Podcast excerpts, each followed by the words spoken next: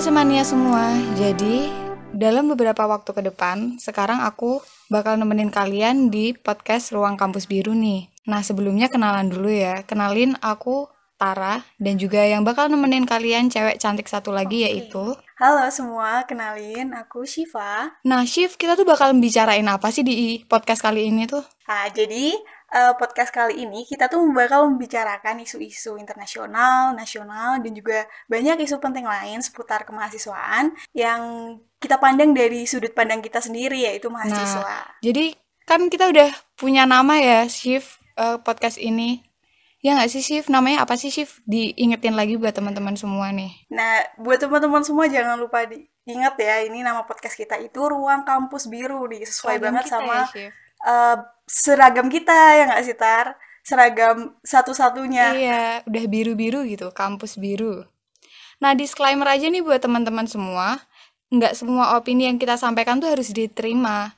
Beda opini itu biasa. Jadi kalau misalnya opini Benar. kalian beda, berarti fair-fair aja ya. Iya, nggak semua yang kita ucapin itu harus diterima benar gitu ya, karena uh, semua orang tuh pasti punya pendapat Iya, masing-masing. bener banget tuh, gitu. Di sini sebelumnya nih Shiv, kita mau ngucapin bela sungkawa dulu nggak sih Shiv? Karena belakangan ini banyak terjadi bencana di Indonesia. Kita mau Benar. ngucapin bela sungkawa terlebih dahulu untuk semua korban bencana yang ada di tanah air beberapa waktu terakhir nih. Mm-mm nih dari awal tahun sampai sekarang nih uh, di TV, di media sosial, di banyak banget media tuh yang kita denger tuh uh, kabar-kabar sedih mulu nih, vibes-nya masih sedih banget ya nggak sih Tar? Iya, padahal kan pandemi belum selesai ya Shiv, tapi kayak Iya. masih ada masih aja bencana alam gitu. Mm-mm, kayak bertubi-tubi gitu yang datang ke kita. Jadi Iya, benar. kita mewakili semuanya mengucapkan bela sungkawa ya Tar. Iya. eh, untuk seluruh masyarakat Indonesia yang terdampak bencana-bencana tersebut. Kamu dengar belakangan ini bencana tuh apa aja sih Shiv? Coba deh. Banyak banget nih Apa eh, tuh? dari BNPB tuh, dari info BNPB tuh dari tanggal 1 sampai 16 Januari tuh udah 136 bencana nih yang ada di Indonesia. Berarti ini bakal jadi tema kita nih Shiv buat podcast kali ini nih. Oh iya bener banget tuh. Nah, gimana Banyak nih? banget. Jadi, teman-teman semua di ke depannya kita bakal ngebicarain yang mungkin kurang apa ya, Shiv? Kurang enak didengar. Bener, kurang enak didengar. Karena tentang bencana, tapi ini juga informatif buat saya manis semua nih. Oke. Jadi kemarin tuh tanggal 9 Januari tuh ada bencana longsor di Sumedang. Pasti tahu kan ya Tar? Oh iya, Tuh infonya. Itu 40 orang yang meninggal dunia. Innalillahi rajiun. Kita tuh berduka Iya, cita. benar. Nih buat orang-orang di desa Cihanjuang ya, kita Mm-mm. turut prihatin dan semoga aja nih saya manis semua tuh aman, nggak ada yang rumahnya di daerah itu. Amin. Waktu itu emang hujannya lagi deres-deres banget ya. Pagi hujan sampai sore gitu kan ya. Oh iya, dan masalah tentang hujan juga nih, Shiv. Karena hujan lebat kemarin, pasti tahu nih, semuanya juga kemarin kan ada penggalangan dana nih. Iya tuh. Buat wilayah Kalimantan Selatan nih, Shiv, yang Yang kena banjir ya. banjirnya, iya. Itu banjir terparah kan katanya. Iya itu banjirnya gede banget. Selama selama aku bisa lihat berita itu, setauku emang itu banjir gede banget ya. Iya Eh, bener-bener, padahal rumah mereka tuh rumah-rumah panggung kan, Shiv. Tapi masih juga airnya naik gitu kan, kita yang lihat sedih banget ya pastinya. Kar selain karena hujan juga mungkin karena kerusakan ekosistem ya kita Nah, tahu akhir-akhir ini. nih. Jadi buat teman-teman semua ya, ini harus diingat semua kalau misalnya walaupun gimana pun kita tetap harus jaga banget nih tentang ekosistem kita. Jangan gampang alih fungsi hutan tuh, tebang-tebang hutan Iya, sembarangan itu nggak boleh. tuh. Itu berpengaruh banget. Kalau misalnya mau alih fungsi hutan ya jangan lupa reboisasi pastinya. Terus buang sampah juga nggak boleh sembarangan ya teman-teman semua. Iya. Nggak usah jauh-jauh deh. Sebenarnya kan kampus kita sering kebanjiran ya, Shiv. Kalau Iya, bener. ya, Shiv. Ini kalau kita lagi offline musim-musim ini pada repot nih yang kebanjiran. Pakai sendal jepit dulu. Seragamnya beda nih biar seragamnya nggak basah sampai kampus baru nanti diganti. Baru Iya, ganti. Kalau nggak nggak pakai sepatu. Heeh. Nah, Iya, tuh. Jadi buat teman-teman semua jangan buang sampah sembarangan. Jangan Hmm. asal tebang pohon tanpa reboisasi. Bener banget. Dan kalau misalnya offline ada aja yang banjir gitu. Dan kemarin UKES kebanjiran, Chief. Oh iya, Iya, kemarin kan aku UKES ya, UKM kesenian. kesenian. Itu ruangannya kebanjiran. Terus alat-alatnya tuh ada yang kebanjiran gitu Di mana tuh ruangan UKES tuh? Di basement kan? Nah, di basement kebanjiran. Terus yang parkir gimana dong itu? Nggak bisa buat parkir dong? Itu kayaknya hari Minggu deh kalau nggak salah. Jadi kayak masih aman. Cuman kayak Ah. aku kan megang klarinet kan. Klarinetnya jadi beda warna gitu loh, Shift. Gara-gara kena air air banjir. Luntur kasihan amat. Iya kasih. ada info banjir yang lain gak sih, Sif? Katanya di beberapa wilayah Indonesia juga ada yang kena banjir juga nih. Ya nih bukan cuma di Kalimantan Selatan yang banjir ternyata. Ternyata di, Di Sulawesi nih? Utara juga ada nih di Manado. Banjir dan Oh. tanah longsor. Tanggal 16 Januari. Jadi sekaligus gitu mungkin ya. Wah, Itu juga karena kasihan hujan deras yang tinggi juga. Dan ber- beberapa waktu lalu nih, Shift kan ada nih yang gempa yang cukup besar. Cukup cukup besar Di di, Sulawesi, Sulawesi. juga ya. Iya. Di Jawa, di Jawa udah ada, di Kalimantan ada, di Sulawesi ada. Di Sulawesi kayak ada. satu Indonesia tuh kayak sedih gitu loh, Shift belakangan ini, Shift. Iya bener banget. Nyambung-nyambung gitu kok bisa kenapa ya? Apa kita banyak Iya. dosa kali ya Tar ya? Aduh, duh, duh. Nggak tahu juga sih, Shift. Ya, jadi itu di mana tuh? Di Sulawesi mana tuh gempa? Oh, gempanya di Sulawesi Barat nih pada Kamis, tanggalnya tuh 14 bulan Januari 2021 nih. Oh di Majene itu ya yang Kemarin kita juga buka donasi buat Iya, mereka nih, Shift. Bener-bener. Nanti kita bahas deh dari siapa. Itu gempanya nggak cuma sekali ternyata. Berapa kali sih, Shift? Kalau yang kamu tahu, Shift? Info yang kita dapat nih ada dua Iya. kali. Yang pertama itu 14 Januari 5,9. Iya benar, kedua Majene ya, 15 Shift. Januari 6,2. Jadi yang kedua tuh lebih gede. Dan sebenarnya tuh ada gempa-gempa susulan yang Gempa-gempa susulan yang kecil-kecil lainnya mungkin ya. Iya bener banget nih Dan kemarin juga kan ada di beberapa TV Buat nayangin langsung tuh Buat evakuasinya juga gimana di sana Iya. Dan kan mereka panik ya shift Soalnya kalau nggak salah denger-denger jam pagi nggak sih shift Subuh-subuh gitu 2 jam 3 pagi Kayaknya iya dini hari kalau nggak salah Iya. jam berapanya. Dan ada salah satu kantor deh. pemerintah provinsi Yang hancur kan shift Iya, jadi itu tuh bener-bener berpengaruh banget ya buat eh, kegiatan ekonomi, politik, pendidikan. Jadi anak-anak pada nggak bisa sekolah, ibu-ibu pada bapak-bapak, ibu-ibu nggak bisa kerja. Dan itu yang meninggal akibat gempa itu ada 81 orang tuh, Tar. Banyak banget Itu ya. informasi tanggal berapa ya shift? Yang apanya nih? Yang 81 Kayaknya tuh udah nambah deh shift Itu informasi tanggal berapa nih? Itu ada. informasinya tanggal 17 Januari. Nah, Jam jadi 8 malam. buat tanggal 17 Januari itu udah ada 81 orang yang meninggal. Udah ada nih. 81 orang. Sekarang Dan udah tanggal shift- 28. Ini kita belum bahas nih yang awal tahun banget nih tentang pesawat jatuh. Oh iya iya itu belum dibahas. Itu, Itu juga Sedih kesedihan banget luar pasti. biasa buat iya, kita semua. ya. sebagai rakyat Indonesia ya mendoakan semoga korbannya, keluarganya diberi ketabahan dan ketabahan. kekuatan tentunya. Amin. Semoga korbannya juga dimasukkan ke tempat terbaik di sisinya.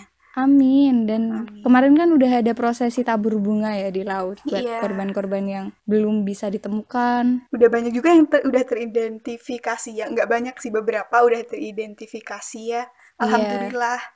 Dan harapan buat kita juga nih, Shiv. Pasti harapan keluarga tetap yang terbaik lah buat korbannya. Jangan lupa berdoa semuanya kalau mau ke mana-mana. Iya.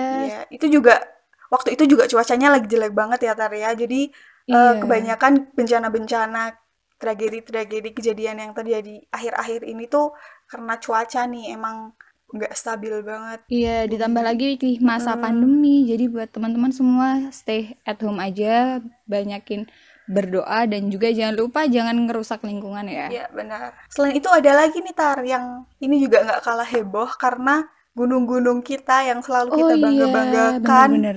Indonesia kan banyak banget ya shift gunung-gunungnya itu tuh. erupsi bersama-sama. Iya benar. Dari Semeru, Merapi, Sinabung, Iya. masih banyak lagi. Ngomong-ngomong nih shift, bukannya kamu suka naik gunung ya? Bukan suka naik gunung, rumahku emang di gunung sih. Oh, rumahnya emang di gunung salah ya. Iya emang Aduh. orang gunung gimana lagi. Tapi kan kamu deket Merapi nggak sih shift kalau nggak salah? Jadi di rumahku itu ada Gunung Sumbing sama Gunung Sindoro. Depannya ada Merapi sama Merbabu. Ngerasa efeknya nggak shift buat sekarang-sekarang ini nih? Sekarang-sekarang ini sih yang dari Merapi belum belum sampai sini ya. Semoga aja nggak sampai ya shift. Semoga nggak sampai ya. Arahnya Baradaya nih. Tapi sekolah adekku udah sampai tuh abunya. Padahal lumayan jauh. Oh, Berarti udah hujan abu. Iya udah ada, udah ada hujan abu. Padahal dia baru mau berangkat. Dia kan boarding gitu kan. Terus Oh, di Jadi sekolah di adik kamu udah offline berarti? Iya, lagi baru mau direncanakan besok minggu dia mau berangkat. Lagi persiapan mau berangkat, dapat kabar kalau hujan abunya udah mulai turun nih gitu. Terus lagi dipertimbangin lagi mau jadi berangkat apa enggak gitu. Oke. Okay. Buat pengalaman-pengalaman sebelumnya nih, Shift, pernah nggak sih ngerasain erupsi gunung yang kayak emang besar gitu, Shift, di daerah rumah kamu, Shift? Uh, kalau buat Sumbing Sindoro, alhamdulillah belum pernah ya, dan jangan, iya. soalnya deket banget. Itu aktif nggak sih, Shift? Masih aktif nggak ya? Dulu sih ada isu-isu gitu, kayak aktif-aktif gitu, tapi sejauh ini nggak pernah ada apa-apa, alhamdulillah. Oh iya. Kalau spesifiknya aku nggak tahu ya. Iya iya. Kita belum dapat informasi sejauh itu uh, nih teman-teman. Tapi kalau Merapi kan terkenal yeah. apa ya? Gunung yang galak gitu. Terkenal aktif sekali. Iya dulu waktu kelas 4 aku inget. Waktu itu erupsi Merapi kelas 4. Itu tuh pagi-pagi habis subuh, aku tuh bisa lihat merah-merah dari puncak Merapi padahal oh, ini iya. lumayan jauh loh. Wah, tapi sampai rumahmu kena nggak gak? Atau gempanya kerasa nggak sampai rumah kamu? Ada abunya. Abunya tebel sih sampai sampai sekolah tuh pulang jam 11 padahal sebenarnya jam 2 gitu. Jadi itu ke daerah jauh aja sangat berpengaruh gitu hal-hal seperti itu. Karena Indonesia emang banyak banget gunungnya ya. Jadi yeah. ya, buat orang-orang yang tinggal di pegunungan atau dekat gunung aktif juga hati-hati. Dipantau terus informasi-informasinya. Dan semoga aja nggak ada bencana alam yang lebih parah daripada ini. Semoga ini udah jadi yang udah goalsnya gitu di tahun ini dan tahun-tahun yeah. ke depannya.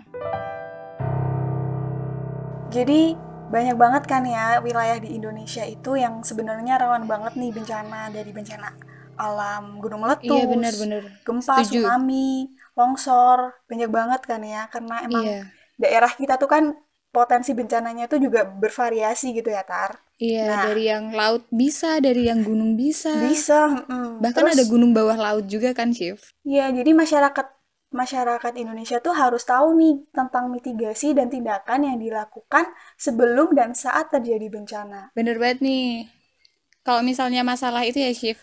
Kamu ingat gak sih, Shift, waktu pertama kali kita ada di Jakarta, Shift? Waktu pertama Ingat. ospek, Shift. Ada gempa.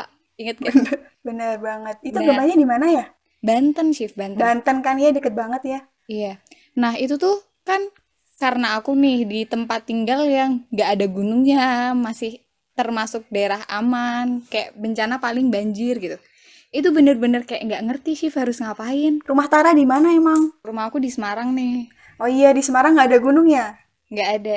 Nggak aku Semarangnya deket ke laut sih jadi adanya hmm. rob doang. Pernah banjir nggak tar gara-gara air lautnya? Pernah. Itu bukan bukan bahasanya bukan banjir sih tapi rob. Jadi air laut tuh naik ke darat gitu loh Shift jadi bukan oh. dari air sungai oh. karena hujan ya biasanya, tapi karena rob karena air lautnya. Tapi itu cepet surut gitu nggak? Cepet surut tapi nggak hujan juga dia banjir gitu loh. Shift kan kalau misalnya di tempat-tempat lain kayak oh hujan ah siap-siap iya, ah kayak gitu. Kalau ini tuh kayak ah aman nih panas-panas tiba-tiba kayak loh kok jalannya ada airnya kenapa nih kayak gitu. Ngeri ya, berarti musim kemarau juga bisa iya, banjir. Terus tiba-tiba motor motor mati kayak gitu kayak aduh oh, iya. nih kan airnya asam juga eh garam ada garamnya kan ya Iya, tapi belum pernah nyoba sih shift sebenarnya aku kayak gimana rasa air. Iya. air asam lagi. Coba ya besok aku coba kalau aku berminat gitu. Boleh. Buat masak juga nggak apa-apa tar silahkan. Oke. Okay. Nah jadi kita balik lagi nih ke yang tadi nih apa tuh upaya mitigasi ya benar. Buat masyarakat masyarakat nih harus tahu nih apa aja yang harus kita persiapkan nih kalau misalkan ada bencana alam. Nah bener banget nih Shift. Nah menurutku ya Shift buat orang-orang yang tinggal di daerah rawan bencana itu itu tuh perlu banget dikasih sosialisasi nih Shift mm -mm, bener banget. Tapi nggak cuma di daerah situ juga nih karena kan kita nggak tahu ya kita ada bencana di daerah mana di kita daerah di posisi mana, iya. jadi kalau boleh saran nih sama pemerintah mungkin bisa loh dimasukin ke kurikulum. Bisa banget itu bener banget. Tar kan bisa jadi kita sebenarnya di daerah yang nggak rawan tapi lagi liburan ke mana gitu nah, kan ya. tuh. atau lagi apa di mana atau gitu keluarga kan. kita mungkin ada di daerah yang rawan tapi dia nggak ngasih nggak tahu. Jadi kita bisa ngasih tahu hmm, tuh buat info-info kayak gitu tuh. Iya itu ide bagus tuh tar. Harus dimasukin ke kurikulum. Nggak harus nah. sih itu saran ya. Kayak yang di mana di Jepang ya kalau nggak salah. Iya dia jadi, ada buat gimana kalau gempa gimana kok tsunami iya jadi gitu anak-anak tuh udah diajarin. Jadi mereka tuh mandiri mengurus dirinya sendiri ketika akan ada bencana gitu. Jadi mereka tahu nggak bergantung sama orang lain gitu kan ya Tar? Nah bener banget. Gimana Shift aku udah cocok belum jadi menteri pendidikan gitu? Kementerian pendidikan? Boleh boleh boleh. Boleh banget tuh kan. Oke. Okay, besok periode nah, sosialisasi besok. itu penting banget nih. Sosialisasinya tuh apa aja sih? Misalnya sosialisasinya kayak gimana kalau terjadi gempa pertama kali? Terus habis itu sosial sosialisasinya mungkin juga kayak kalau gempa ini terjadi biasanya akibatnya tuh apa misalnya Iya, gempa bisa bumi jadi. bakal ada gempa susulan mungkin atau bahkan bisa terjadi tanah longsor karena gempa bumi nah itu orang-orang tuh harus tahu tuh Iya benar. Terus selain itu juga gempa tuh kan ah, habis gempa tuh kan kadang banyak hal yang terjadi ya. Maksudnya kayak di gunung bisa jadi gempa tersebut itu gempa vulkanik. Jadi orang-orang harus mempersiapkan diri. Oh, ini tuh tanda-tanda nih dari gunungnya atau di laut nih ada gempa. Bisa jadi ini bakal ada tsunami nih gitu. Jadi lebih aware gitu kan masyarakatnya kalau tahu iya jenis-jenis dan gempanya itu. karena waktu terjadi bencana tuh kan pasti chaos ya Shift Mm-mm. Nah, Panik kita tuh itu mesti. bener-bener ngikutin arahan pemerintah. Jadi pemerintah ngomong apa tuh kayak kita kayak oke kita harus ikutin karena pemerintah lebih tahu gitu penanganannya daripada kita gitu. Kalau ngomong-ngomong tentang ini nih, Shift, kamu tahu nggak sih yang level gunung berapi itu apa aja sih, Shift? Itu jadi tuh gunung berapi tuh kalau lagi fase-fase biasa itu namanya normal ya. Terus abis itu atasnya lagi tuh ada status waspada nih. Terus abis status waspada itu ada siaga, kemudian yang terakhir tuh ada awas. Kalau buat detailnya, sorry banget, aku nggak berani ngomong, takut salah. Iya. Coba cari info-info sendiri nanti Iya. kasih info ke kita. Kita kan saling belajar nih, Shift, di podcast ini nih. Mungkin besok kita bahas lebih lanjut nih, Shift, tentang gunung berapi. Siapa tahu menarik kan? Mm-mm. Bisa jadi Iya. asik tuh. Nah, kalau kayak gitu nih Shift, pasti ada dong info-info penting yang harus diingat kalau ada. Kita spesifik aja nih, kita bahas tentang Gempa bumi ya. gempa, iya. Ini dari kita dapat sumber dari mana sih Shift? Kalau boleh tahu. Dari Tempo. Jadi, ada tujuh hal penting diingat saat terjadi bencana, Bencana alam. Yang alam. pertama adalah perhatikan wilayah Anda, apakah rawan gempa atau tidak. Nah, nih, kok misalnya kayak wilayahku kan biasanya nggak ada gempa. Kok di tempat Shiva kan Hmm. setauku emang rawan gempa gitu. Sering ya, Shift? eh karena di sini banyak gunungnya, jadi gempa yang terjadi itu kebanyakan vulkanik gitu sih. Nah, karena gempa vulkanik, Shiva harus ingat-ingat tadi tuh yang tujuh level Iya. bahaya gunung itu kan berarti. Bukan tujuh, Oh, Berapa berapa? Shiv? empat. Nah, bener, empat. Empat. Berarti Yang dengerin nih, orang-orang tadi yang nggak ngeh berarti nggak dengerin nih. Bener bener bener. Berarti Tara nggak dengerin tadi yang tujuh Aduh. hal pentingnya. Loh, enggak. Oke. Nah, jadi hal utama untuk memilih tempat tinggal atau bekerja itu perhatikan dulu apakah wilayah tersebut merupakan daerah rawan gempa. Apabila di daerah tersebut merupakan daerah yang rawan gempa nih, Shift, ada baiknya pahami karakter gempanya tuh dari apa. Terus skalanya tuh dari Skalanya. masa lalu tuh kayak gimana skalanya, frekuensinya, dan tingkat kerusakan yang pernah terjadi di fase-fase sebelumnya nih, Shift. Selain itu juga karena ini berkaitan sama tempat tinggal, diusahakan kita tahu ya, misalnya kalau misalkan terjadi gempa tuh kita harus lari ke mana gitu. Jangan Nah, bener di bawah tiang listrik, jangan jangan gempanya di bersumber dari Merapi kita malah larinya ke arah Merapi gitu. Iya, jangan gitu ya. Jadi harus Iya. kita benar-benar harus mengenali tempat tinggal kita Nah, sendiri. benar. Terus tadi kan ada tujuh hal penting nih, Shift. Apalagi sih yang kedua kalau Terus boleh tahu nih. nih yang kedua nih, pastikan memiliki asuransi yang melindungi diri dari resiko gempa bumi. Nah, penting Jadi ini nih. tuh buat meminimalisir kerugian gitu kan. Kan kita nggak tahu ya gempa bumi itu bakal segede apa. Dampaknya tuh bakal kayak gimana buat rumah kita atau misal kendaraan kita atau tempat Iya, bisnis dan lain benar. sebagainya gitu kan. Jadi diusahakan kita punya asuransi supaya eh, kalau terjadi gempa bumi tuh kita nggak kolaps-kolaps banget gitu kan ya. Nah, bener banget tuh, Shift. Jadi buat teman-teman semua kalau misalnya bingung nih punya uang banyak, aduh uangnya mau diapain kayak gitu kan. Diasuransiin asuransi aja. aja, Mungkin siapa benar. tahu terjadi hal-hal yang nggak diinginkan kan, tapi kalian udah punya pegangan gitu. Iya bener banget. Terus yang ketiga nih Tar, ini penting banget, ini super duper penting. Nah, apa tuh, Shift? Nomor-nomor penting nomor kepolisian Nomor pacar bukan, Shift? itu juga penting gitu Iya sih, Biar itu galau mulu, sih. Tar. Tapi ya ngapain gitu ya ngubungin mantan gitu waktu atau pacar iya gitu. bener kalau ada gempa bumi ngubungin pacar tuh kayak gak guna gitu mau apa mau nanyain udah makan belum hello Aduh, aduh, aduh. Mantan dan pacar ini tuh. oh iya berarti ya gitulah ya maklum Kabarin mantan, hubungin pacar kayak gitu deh intinya. Aduh, aduh, aduh, enggak, enggak, enggak. Jangan Jadi sampai nomor-nomor penting ada tuh dua kontak. siapa aja sih shift yang penting tuh siapa aja? Ada kepolisian, ambulan, benar. SAR, apalagi ya. Keluarga terdekat pastinya. Kayaknya yang paling penting itu sih. Iya benar. Dan jangan lupa kalau misalnya eh, biasanya tuh kan kalau misalnya kayak gitu tiba-tiba udah mati listrik ya shift Mm-mm. gempa yang besar gitu tiba-tiba Iya. bakal listriknya bakal diputus. Listriknya dipadamkan. Jangan panik, tenang aja, coba cari jalan keluar, coba hubungin ke pusat-pusat pemerintahan siapa tahu mereka bisa bantu gitu. Iya Jadi benar. Jadi iya jangan panik tapi bukan berarti nyepelein ya teman-teman iya semua. benar benar benar. Terus kita minta tolongnya tuh ke orang yang tepat gitu. Nah bener, jangan tiba-tiba kita minta ke tukang utang gitu kan. Nah, Jangan, iya jangan. kan. Atau kita minta tolong ke siapa ya temen misal yang di kabupaten lain gitu kan susah ya mereka pasti juga maksudnya Iya tuh benar benar. atau itu tadi ngontak pacar itu kan juga agak nggak guna ya sebenarnya nggak mungkin juga Iya, mereka iya, bakal udah lari nolongin pusing kita gitu. kan jadi lebih Shift, baik tapi pacar kan penasaran sama kabar kita. kayaknya dia juga lebih memikirkan diri sendiri sih tar kalau keadaannya kayak gitu ya Aduh, berarti pacar nomor sekian ya teman-teman. Iya.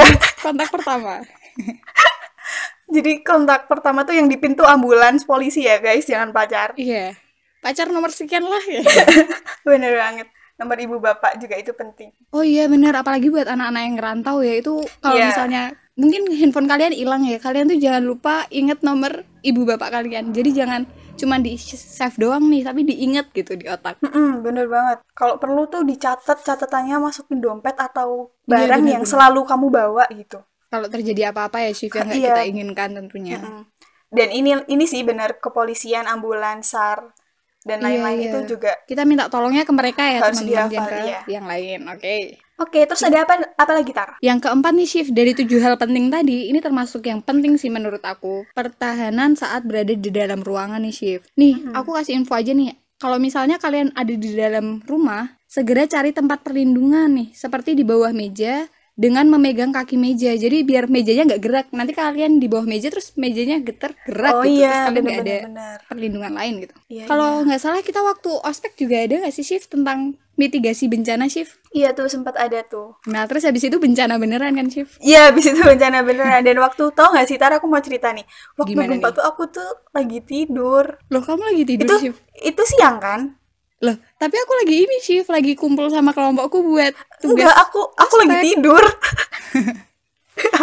Loh, aku pernah juga shift. Ini info-info aja ya. Jadi waktu itu aku lagi ini kan, waktu itu masih kecil banget, aku TK, aku ingat banget. Aku rumahnya masih di daerah Solo kalau nggak salah. Jadi ada gempa, aku nggak tahu gempanya pusatnya di mana karena udah lama banget ya dan aku lupa. Tapi bukan dari Solo setahuku, tapi Solo tuh kerasa. Jogja karena mungkin keluargaku kayaknya. tuh- Iya aku lupa. Tapi karena keluargaku itu udah di Jogja, mereka tuh kayak kerasa gitu loh shift kalau misalnya eh ini gempa kayak gitu kan. Nah itu shift aku lagi di belakang, shift aku lagi di kamar mandi kan. Nggak ada yang ingat aku. Terus Shift. terus Aku ditinggal kayak aku kayak aku keluar rumah kok kosong kayak gitu. Ternyata mereka menyelamatkan diri shift. Habis itu kamu itu- nanya nggak? Aku anak tiri bukan gitu. Habis ini ya aku nanya, habis ini aku langsung nanya nih. Oke, Kenapa mikir lupa kayak gitu? Karena Shiva mah kayak gitu. Itu tanda-tanda tuh. Waduh waduh. Nggak mungkin karena panik ya. Positif thinking. Iya, panik. Anak budiman. Iya bener. Nah, terus ini nih aku mau ngasih tahu lagi, jangan lupa lindungi kepala kalian ya kalau misalnya ada gempa gitu. Karena kan kepala sangatlah riskan ya Rawan, misalnya. rawan banget. Nah, bener banget. Bisa Penting menggunakan banget tas kalau misalnya nggak ada meja, bisa pakai bantal. Bahkan tangan Anda itu juga bisa jadi perlindungan kalau misalnya emang bener-bener udah nggak ada apa-apa lagi nih sih. Iya nih, aku Nah, Anda auto, juga- auto megang kepala. Nah, teman-teman semua, semania semua juga tuh harus menjauhi dari benda-benda yang gampang pecah.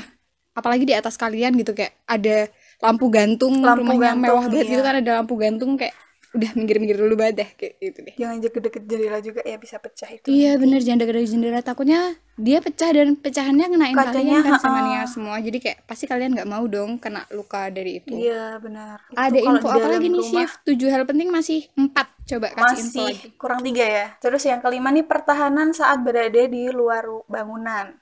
Jadi kalau kita lagi nggak di dalam bangunan, nggak di dalam rumah, nggak di dalam sekolah atau bangunan-bangunan lain, kita tuh harus menghindari bangunan-bangunan tinggi, terus tiang-tiang listrik, pokoknya yang Iya, berhubungan benar-benar. sama listrik-listrik, terus sama tembok-tembok nih soalnya nanti takutnya kan kalau bangunan tinggi nanti dia roboh atau apa Iya benar. kemudian Walaupun kita nggak yang berharap listrik ya shift, juga, tapi kita harus iya. menjaga dan mengantisipasi gitu. Iya benar. Terus jangan di bawah tiang listrik juga karena kalau misalkan terjadi sesuatu sama tiang listriknya terus eh, konslet kan takut Aduh, ada apa-apa iya, juga iya, ya iya, kan, benar. bukan. Iya benar, benar benar. Terus jangan mendekati eh, apa namanya tempat-tempat curam, jurang, lereng yang gitu-gitu karena itu tuh potensi longsornya kan besar banget ya soalnya lagi gempa terus Iya. Nggak kita stabil. Udah bahas tentang longsor dikit nih. Jadi buat teman-teman semua, kalau misalnya gempa, jauhin deh dari tempat-tempat kayak gitu tuh. mm, bener banget. Aduh.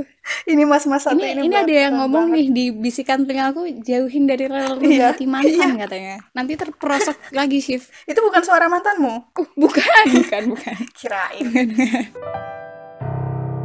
Oke nih, aku mau ngasih yang keenam nih. Kan mungkin kan kalau gempa kita nggak tahu ya shift kita ada di mana, kita lagi ngapain Iya. gitu. Nah, nomor 6 itu terjadi saat kalian lagi berkendara. Gimana tuh kalau aku lagi di mobil tuh?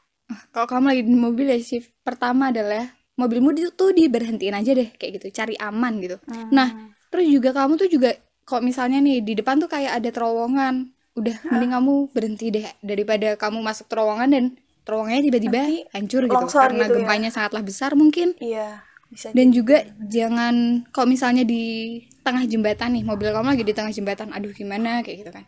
Cepet-cepet Iya. pergi deh dari jembatan. Yang ditakutkan kan jembatannya roboh ya dan itu Roboh, iya, korban jiwanya takutnya banyak gitu. berbahaya. Heeh. Setelah itu tuh shift. Nah, nanti kita harus menjauh dari mobil untuk menghindari terjadi pergesekan atau ke atau ketabrak. Misalnya kayak tiba-tiba kita ketabrak mobil gitu kan. Aduh, jangan sampai ya shift. Jangan-jangan alhamdulillah.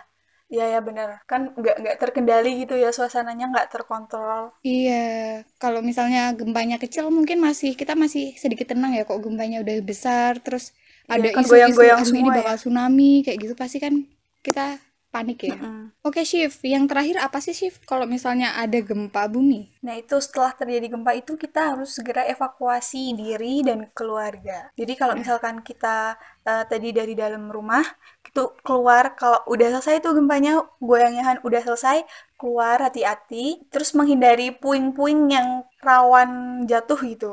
Terus evakuasi anak-anak, wanita, Nah, ini. sama lansia. Podcast Oh ini iya, harus kamu. didengar nih sama orang tua aku nih yang kelupaan bawa keluar aku nih. Kelupaan bawa anak. Iya. ke, ke tempat umum atau posko gitu. Ke, biasanya sih kalau misalkan belum ada poskonya bencana karena itu baru aja terjadi ke tempat lapang ya, mungkin lapangan gitu kan ya. Iya. Dan pasti masyarakat tuh juga ada insting buat ke tempat-tempat aman. Nah, Ha-ha. kalian tuh ikutin masyarakat tapi dilihat dulu masyarakatnya yang bener gitu. Iya benar, benar banget. Jangan asal ngikut ya. Terus periksa nih benda-benda yang menimbulkan api Oh dan iya, bener jalur pipa nih. gas jika ada kebocoran. Terus Berarti tadi nomor penting tuh juga ini shift pemadam kebakaran kok terjadi apa Oh iya benar pemadam kebakaran. Terus menetap di posko apabila terjadi gempa susulan. Jadi jangan buru-buru balik lagi ke rumah menyelamatkan HP, Harta laptop benda. dan lain sebagainya. Ya, yang ben- yang penting tuh kita selamat dulu. Iya, yang penting kita tuh- selamat dulu. Ya, walaupun emang susah sih ya nyarinya, tapi sebagai orang yang berusaha untuk menjadi lebih baik kayak harta benda bisa dicari lah kayak gitu. Iya, yang penting kita hidup dulu. Nah, bener tuh kalau misalnya udah nggak iya Nggak bisa dipakai nyari juga harta itu benda harta lagi benda. gitu. Nah, shift itu kan tadi tujuh hal penting ya dari Tempo. Terus ada tambahan nih Nah, aku punya satu tips dari Tara. Apa tuh Tar? dari Tara itu adalah kalau misalnya kalian ini saran aja nih mungkin kalian nggak bakal tahu ya rumah kalian tuh terjadi bencana apa bencana apa kan bencana terjadi kadang-kadang tuh kan mendadak ya Iya, benar banget. Usahain kalau kalian pindah rumah atau menetap di suatu tempat usahain berkas-berkas penting tuh dijadiin ke satu tempat nih kayak akte, ijazah. coba Syif kamu tahu nggak sih alasannya apa gitu kok? Kenapa sih harus satu tempat? Supaya kita tuh waktu apa namanya waktu terjadi bencana tuh nggak panik nyari akte di mana ijazah di Iya, mana gitu. benar, jadi benar. tinggal tarik satu laci ambil map keluar. Jadi nih- jadi Iya. nih aku mau cerita nih. Waktu gempa di Jakarta kemarin itu kan aku lagi tidur tuh. Iya benar. Terus kerasa gempa kan? Nah untungnya eh, kan kita ke sana bawa banyak berkas ya waktu berkas itu masih iya ada bener-bener tuh. masih ada akte masih ada apa sih? Aku masih ada bawa kartu kakak keluarga masih ada kakak sih. masih ada bawa rapot. rapot dan lain sebagainya. Itu tuh untungnya aku jadiin satu di laci di bawah laptop. Jadi laptopku udah aku masukin laci terus di bawahnya tuh berkas-berkas itu. Jadi waktu aku kerasa gempa aku langsung ambil satu laci satu laci itu isinya aku ambil terus aku lari keluar jadi itu tuh cepet banget nggak perlu nyari-nyari di banyak laci gitu. Penting nah banget. banget tuh. Efektivitas buat waktu. teman-teman juga. Mm-mm. jangan ju- jangan tiba-tiba Iya, gempa bener. terus kalian berusaha buat nyopot AC gitu kan. Soalnya AC mahal gitu jangan deh. Mending kalian berkas dulu deh yang pertama. Terus oke. berkas ini tuh paling penting tar. Iya nggak sih? Nah iya soalnya tuh penting banget nih. Soalnya kita bisa nggak daftar mana-mana nggak bisa ngapa-ngapain kalau nggak ada berkas ini nih kalau nggak ada berkas-berkas ini tuh susah gitu. Misalkan kita mau nyari, eh, misal bantuan nih, butuh KTP atau apa gitu kan. Kalau nggak ada Iya. kan, masa iya harus masuk terus nyari lagi gitu kan? Iya, apalagi kalau misalnya eh, asuransi kesehatan ya shift kayak BPJS gitu kan juga penting ya shift. Ya terus itu benar juga. Kalau misalkan kita jadi satu rumah nih, kalau bisa tuh berkas-berkas itu dijadiin satu juga gitu loh. Jadi nggak ada Iya. Anggota yang kehilangan berkasnya. Jadi misalkan yang sakit ayah ternyata kok BPJS-nya kok nggak ada ya gimana gitu kan susah. Jadi jadiin satu aja biar gampang. Iya benar-benar dan gini deh yang berkas-berkas yang kartu-kartu gitu kalian bisa bawa dompet dan dompetnya tuh kalau misalnya itu pastiin deket sama kalian sama berkas-berkas yang sifatnya kertas kayak gitu banget. dijadiin satu tempat nggak sih Sif? Biar nggak riwah intinya. Iya benar-benar misalnya kayak surat nikah gitu kan Sif Eh, Iya. akte tanah kayak gitu Ya ntar kalau surat nikahnya hilang habis itu dia ngakunya belum ngakunya nikah sama nikah dia kan bahaya ya repot. Iya bener. nah iya Kan enggak saya nggak punya surat nikah kayak gitu Saya belum nikah sama dia, saya mau nikah Iya, lagi. suratnya hilang gitu. kamu gitu. jangan ya guys harus jadi satu tuh Bener banget. Jadi itu tuh, tuh semua semania semua itu adalah info-info dari kita, dari Tempo dan dari Tara dan dari Shiva juga tentunya buat Ada tadi suara preventif dan mitigasi bencana. Kita spesifik kali ini ya Shiv, bencana gempa. Kamu tau gak sih Shiv kalau misalnya di STIS tuh ternyata kita tuh juga punya jiwa so- sosial nih yang menurutku sih tinggi ya. Gimana tuh Tar? Nah di salah satu komunitas kamu tau gak sih Shiv yang kemarin buat buka donasi tuh? Ya kemarin kita udah sebar story donasi itu kan ya dan itu Iya, dari. Stis Berseri ya komunitasnya namanya Stis Berseri. Jadi gini nih Shiv, aku mau ngasih disclaimer dikit nih tentang apa sih itu stis berseri gitu kan. Ya apa Jadi tuh sih, ya apa tuh? Jadi stis berseri itu kayak komunitas di STIS nih. Jadi itu dia tuh term- eh, salah satu komunitas sedekah harian kolektif gitu loh Shiv. Jadi tuh Oh, emang gitu. buat orang-orang yang sosialnya kayaknya tuh tinggi gitu bisa tuh gabung ke komunitas ini nih teman-teman semua. Ya jadi itu sedekahnya rutin gitu ya. Sedekahnya rutin gitu. Kalau boleh tahu nih Shiv, kemarin tuh kita buka apa sih Shiv? Eh, bukan kita sih, lebih tepatnya Stis Stis Berseri yang ya. dibantu oleh kita. Nah, jadi kemarin tuh Tes Berseri itu open doni open, donasi buat uh, kita yang mau berdonasi untuk korban bencana di Sulawesi Barat dan Kalimantan Selatan ya. Namanya tuh Stis Peduli nih, teman-teman semua, semani semua. Itu periodenya kapan sih Shiv kalau boleh tahu? Itu tuh kemarin dibuka dari tanggal 16 sampai 22 Januari kalau nggak salah ya nggak sih Tar? 16, Itu 17, jadi 18, cuma tujuh hari 20, 21, 22. 7 hari, seminggu nih. Berapa tuh yang didapat Tar? 7 hari itu dari kita. Ini menurutku ya, aku mau apresiasi dulu nih sebelumnya buat anak-anak STS juga, buat Stis Berseri juga, kayak keren banget nih.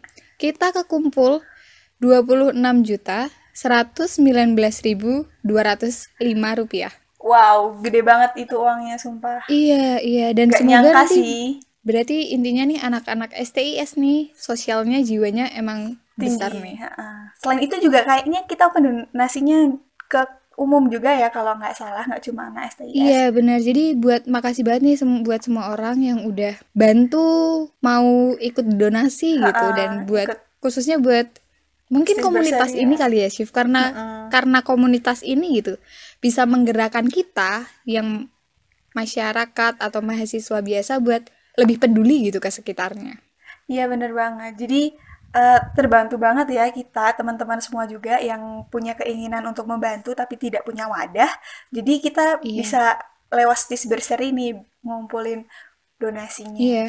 Kita punya saran-saran gak sih Shiv buat Stis Berseri nih? Iya nih, jadi itu buat- uh, kita kan sebagai mahasiswa gitu ya, Iya, uh, benar. pasti kan rasanya tuh menggebu-gebu gitu, ingin ikut andil dalam setiap hal yang terjadi di negara sendiri ya nggak sih Tar? Nah, Nah, iya bener banget tuh. selain donasi uang tadi itu lewat Stitch Bursary, kita punya saran nih dari kita. Kita tuh nggak cuma ngumpulin donasi dalam bentuk uang aja nih Tar. Karena kan Nah, uh, bener. nggak semua itu mampu berdonasi menggunakan rupiah ya. Nah, bisa Iya, bener. bisa baju yang masih bagus tapi udah nggak kita pakai atau buku Iya. Atau Loh, tapi gini, bahan Shiv. makanan. Kita kan lagi online nih, Shiv. Nah, karena itu Gimana tuh nanti? dengan online ini nih menurut kita nih kita tuh bisa mengumpulkan barang-barang tersebut itu tuh eh, kolektif ke himada masing-masing nih. Jadi kan di STIS tuh kan ada himada ya, himpunan mahasiswa Iya, daerah. bener. Ngumpulinnya tuh lebih gampang karena mereka udah satu daerah gitu. Oh, jadi intinya gini gak sih, Shiv? Kita ngumpulin barang ke Himada, terus nanti Himada kolektif Iya. buat ngumpulin ke satu pusat yang Mm-mm. emang buat donasi Iya gitu kan, benar. Jadi tuh nanti uh, buat distribusinya itu bisa dikoordinasikan oleh lembaga STIS yang lebih tinggi daripada Himada gitu. Paham nggak sih? Jadi Himada Iya, ngumpulin per benar-benar. daerahnya nanti dari SEMA mungkin atau dari STIS Berseri mungkin bisa mengkoordinasi Iya. buat ini didis- didistribusikan ke sini, yang Himada ini ke sini Nah, gitu. bener banget tuh semuanya. Jadi ini buat saran-saran Heeh. aja nih. Mungkin bisa jadi masukan yang bagus gitu. Ya, jadi lebih bervariasi ya, nggak cuma uang. Terus yang eh, nggak bisa berdonasi lewat uang juga bisa tetap ikut andil gitu ya, Tar. Bener, bener. Setuju, setuju. Terus nih, Shiv. Kamu tau gak sih belakangan ini tuh kita tuh kayak banyak banget anak-anak muda tuh yang pingin terjun langsung gitu loh, Shiv. Mm-mm. Tau gak sih, Shiv? Bener-bener, ini juga salah satu peran kita nih, ya nggak sih, sebagai Mahasiswa. Jadi apa tuh, Tar? Nah, jadi namanya relawan nih teman-teman semua. Tau gak sih yang misalnya kalian datang ke... Tapi ada syarat-syaratnya nih, nanti kita kasih tahu. Jadi kalian tuh jadi relawan yang datang ke tempat gempa itu sebagai untuk membantu, bisa jadi pembantu medis buat orang-orang yang mungkin berkapasitas di bidangnya ya, Shiv. Nggak cuma gempa aja kan ya? Iya, bener nggak cuma gempa. Mungkin kalau misalnya gimana sih? Misalnya contohnya apa lagi deh gitu. Banjir, terus ada tanah longsor misal. Iya bener. Orang-orang mungkin dia butuh support Iya. system. Kalian bisa datang buat nyemangatin mereka, bantu-bantu apa yang mereka butuhin Iya bener gitu kan, banget. Jadi relawan tuh nggak nggak cuma kita mencari korban gitu ya, Tar. Iya Kita bener. bisa rela, iya bener nggak cuman kita nyari korban terus kita lariin ke rumah sakit kayak gitu enggak. Kita bisa bantu-bantu di bantu anak-anak iya benar bantu-bantu di pos-pos misalnya pengungsi. sekolahnya Mm-mm. ditutup gitu. Terus kita bisa ngajarin mereka. Iya benar banget. Terus bisa juga bantu-bantu masak atau menyediakan Nah, air bener, bersih. bener, bener. Jadi banyak banget yang bisa kita lakuin. Nah, tapi tuh ada persiapan gak sih, Sif? Kita nggak bisa gitu asal datang ke sana. Ya dong, harus harus ada persiapan sih, dong Shiv? karena jadi relawan tuh resikonya juga besar ya, Tar. Wah, bener Nggak banget gampang nih. gitu. Jadi, kamu boleh kasih tahu nggak sih, Shift, persiapannya tuh apa aja sih biar kita tuh jadi relawan gitu? Eh, persiapan yang harus dilakukan ya, kita dapat dari covesia.com. Sumbernya dari mana tuh, Shift? Kamu dapat kayak gitu? Covesia.com nih dari Klik Dokter. Oke. Jadi yang pertama banget itu tuh kita harus memastikan kondisi fisik kita tuh prima. Ini penting ya karena kita kan ke sana mau bantu ya, jangan sampai kita di sana sakit terus malah jadi nyusahin orang di sana gitu ya, Tar. Iya, bener, bener, bener. Heeh, jadi kita tuh harus sehat dulu kalau mau memutuskan untuk menjadi relawan. Terus yang kedua apa nih, Tar? Kita harus mendapat vaksinasi tetanus dulu. Karena di di di daerah bencana itu kan rawan banget ya, rentan banget kena infeksi bakteri. Nah, terus apalagi kalau misal Bener. gempa bumi atau tanah longsor atau banjir dan lain sebagainya, itu kan banyak rumah-rumah yang roboh terus rentan gitu loh kalau misalkan kena eh, besi-besi yang udah berkarat atau lain sebagainya Iya, atau kena paku bisa juga kan, Mm-mm. Shift, lagi bantu jalan-jalan gitu, Iya. tiba-tiba kena paku Karena gitu. emang nggak kondisinya nggak memungkinkan ya daerahnya. Iya, bener, Jadi- bener. Dan kita kan nggak tahu medannya Iya, benar medannya. apakah bersih atau gimana. Kan mereka lagi kena bencana ya, Shift. Kita harus mempersiapkan segala sesuatu yang bakal terjadi. Iya benar. Jadi tuh vaksinasi ini tuh penting untuk melindungi kita gitu dari infeksi bakteri itu. Terus aku punya info ketiga nih buat teman-teman semua. Kita tuh kalau misalnya jadi relawan itu tuh kita harus banget nih nyiapin mental kita. Hmm, Bener nggak benar Shiv? benar banget. Jangan sampai kita ke sana ngelihat orang-orang kan lagi Iya. susah ya. Terus tiba-tiba mental kita juga ikut susah. Iya, terus kita benar. di sana lesu ngelihat mereka sedih. jadi gitu. Kan mereka di eh, kita di sana buat ngehibur Mm-mm. mereka ngebantu mereka ya nggak Benar, kita di sana tuh harus jadi support system gitu. Nih, penting banget support system. Walaupun kita nggak di sana ataupun di sana, kita harus support system Iya. karena itu sama-sama rakyat Indonesia nggak sih? Syif? banget, kita kan Sama-sama saudara kita, mm-mm, sekeluarga. sebangsa setanah air. Terus apalagi tuh Tar? Nah, itu tuh juga kita tuh kalau bisa nih mempelajari bahasa asing. Kenapa tuh Tar? Karena kan iya sih memang bener banget nih teman-teman semua karena loh kok bencananya kan di Ha-ha, Indonesia kan di gitu. Indonesia tuh. Seperti bahasa Inggris. Karena menurut peraturan dari BNPB nomor 17 tahun 2001 nih Sif, Mm. bahasa asing dapat membantu relawan dalam mendampingi pihak-pihak asing yang terlibat dalam respon bencana di Indonesia kayak gitu. Iya benar, jadi lebih gampang ya kasih contoh. koordinasinya. Iya benar-benar. Kita kasih contoh aja nih Shift. Eh, Waktu tsunami di Aceh. Banyak banget relawan dari luar negeri juga ya, jadi Iya, karena banyak negara yang kayak walaupun itu bukan di negara mereka tuh mereka ikut Ha-ha, merasa ikut sedih prihatin, gitu. Jadi mereka jadi mengirim bantuan. membantu.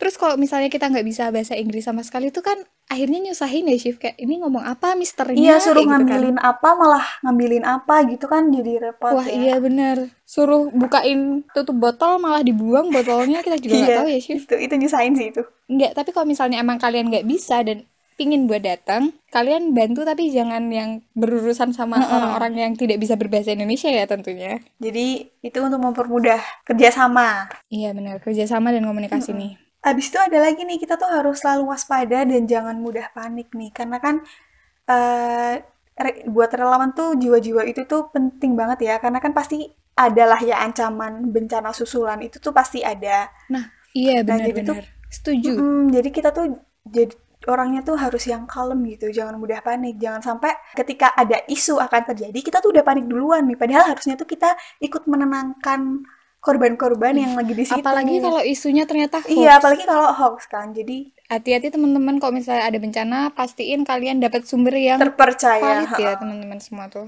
Benar.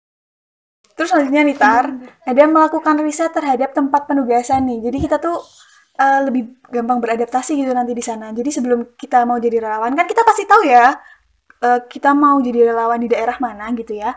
Iya Kita benar. tuh riset dulu daerah sana tuh kayak gimana. Iklimnya gimana, cuacanya gimana Iya. aja nanti kalian ke daerah panas bawanya baju Nah, dingin kan susah ya. Benar kan susah. Terus Terus ini nih buat misalnya kalian ditugasin di desa ini nih, jangan malu buat tanya. mm, Daerah ini tuh karakteristik orangnya kayak gimana sih? Mereka sukanya apa sih? Kesehariannya gimana sih? benar-benar. Kalian tuh juga harus tahu nih. Iya benar banget tuh. Jangan sampai nanti kita membawa budaya kita sendiri tidak menyesuaikan terus malah membuat orang-orang sana tersinggung gitu ya. Padahal lagi Iya bener bener bener. lagi ada bencana gitu. Terus apa lagi tar? Yang ini yang terakhir ya Chef. Ini kalau misalnya kalian emang pingin nih jadi relawan, yang terakhir adalah siapin perlengkapan pribadi untuk bertahan hidup. Mm-mm. Karena kan kita nggak tahu ya Chef di sana nanti bakal kayak gimana. Jadi kalian tuh jangan tiba-tiba nyusahin penduduk atau bahkan relawan lain gitu kayak eh bagi sikat gigi dong, sih nggak bawa nih kayak gitu. Jadi kalian harus siap nih tentunya Iya semuanya. Kalau bisa malah kita membawa lebih terus membantu korban yang di sana Iya gitu kan ya. benar. Jangan malah kalian minta makan sama korban bencana ya nih teman-teman semua. Mm-mm. Terus ini ini tar aku inget nih. Ini yang paling penting juga nih. Kalau menjadi relawan Apa itu nih? tuh jangan lupa buat izin ke orang tua dan keluarga dulu, ya nggak sih? Bener banget nih Shift, kita harus izin orang tua, jangan sampai kita nanti dicariin ini anak hilang ke mana, walaupun niatnya baik tapi buat bingung keluarga kan susah ya Shift. nggak bisa langsung main berangkat nggak bilang ke siapa-siapa gitu kan. Nanti kalau dicariin kan malah gimana gitu kan ya. Jadi harus dapat restu dulu. Kalaupun emang nggak boleh ya nggak apa-apa jangan maksa ya. Karena mungkin kan keluarga juga punya Iya, iya, pertimbangan.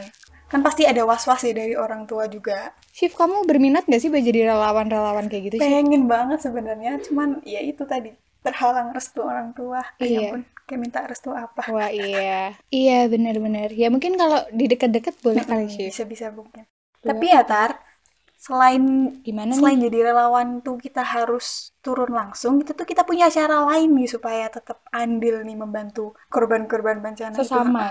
Iya bener-bener. Caranya apa tuh Shift, kalau boleh jadi itu tahu? kan kalau misalkan eh, terjadi bencana alam tuh biasanya ada korban luka ya nah bisa jadi kan ada Iya bener. ada potensi membutuhkan donor darah. Nah, kita sebagai orang yang sehat, mampu, terus memang memenuhi syarat, kita tuh bisa tuh ikut donor darah ke PMI mengajukan diri atau kalau memang dibuka ya kita ikut donorin darah kita nih ke ke PMI Nah, biar iya, disalurkan. nih. Nah, jadi misalnya kalian, aduh, aku nggak punya uang, tapi aku pengen membantu. Aku mungkin Mm-mm. kalian fisiknya sehat. Mm-mm. Nah, itu bisa jadi salah satu, Jalan ya. iya, salah satu jalan gimana caranya kalian buat donasi dengan Darah darah kali- kalian. iya, Mungkin benar. darah kalian bisa jadi penghidupan baru buat orang-orang lain Iya benar banget. Karena kan kalau kita mau cari di sananya langsung kan orang-orangnya juga lagi kesusahan gitu ya. Iya, Jadi benar. alangkah baiknya kita yang sehat terus eh, baik-baik saja lingkungannya kita ikut membantu dengan eh, memberi yang memang diperlukan itu darah. Bentar, bentar. Kak Via jangan berisik. Ikutin arahan yang benar gitu. Jangan yang tiba-tiba kayak ada gempa. Bentar, bentar. Bentar, Cip. Ma, jangan diajak ngomong, Ma. Di- Tadi apa sih? Aku lupa. Tadi tuh jangan diajak ngomong mah gitu. Iya, aku ingatnya itu sebelumnya. Apa sih? Bentar. Eh itu Yang pen... Eh, jangan gitu deh. Ya udah deh, nggak usah deh. Aku udah bingung. Shift, bentar, Shift. Kakakku ngomong. Bentar, bentar, Shift. Kakakku ngomong. Kak, bentar, Kak.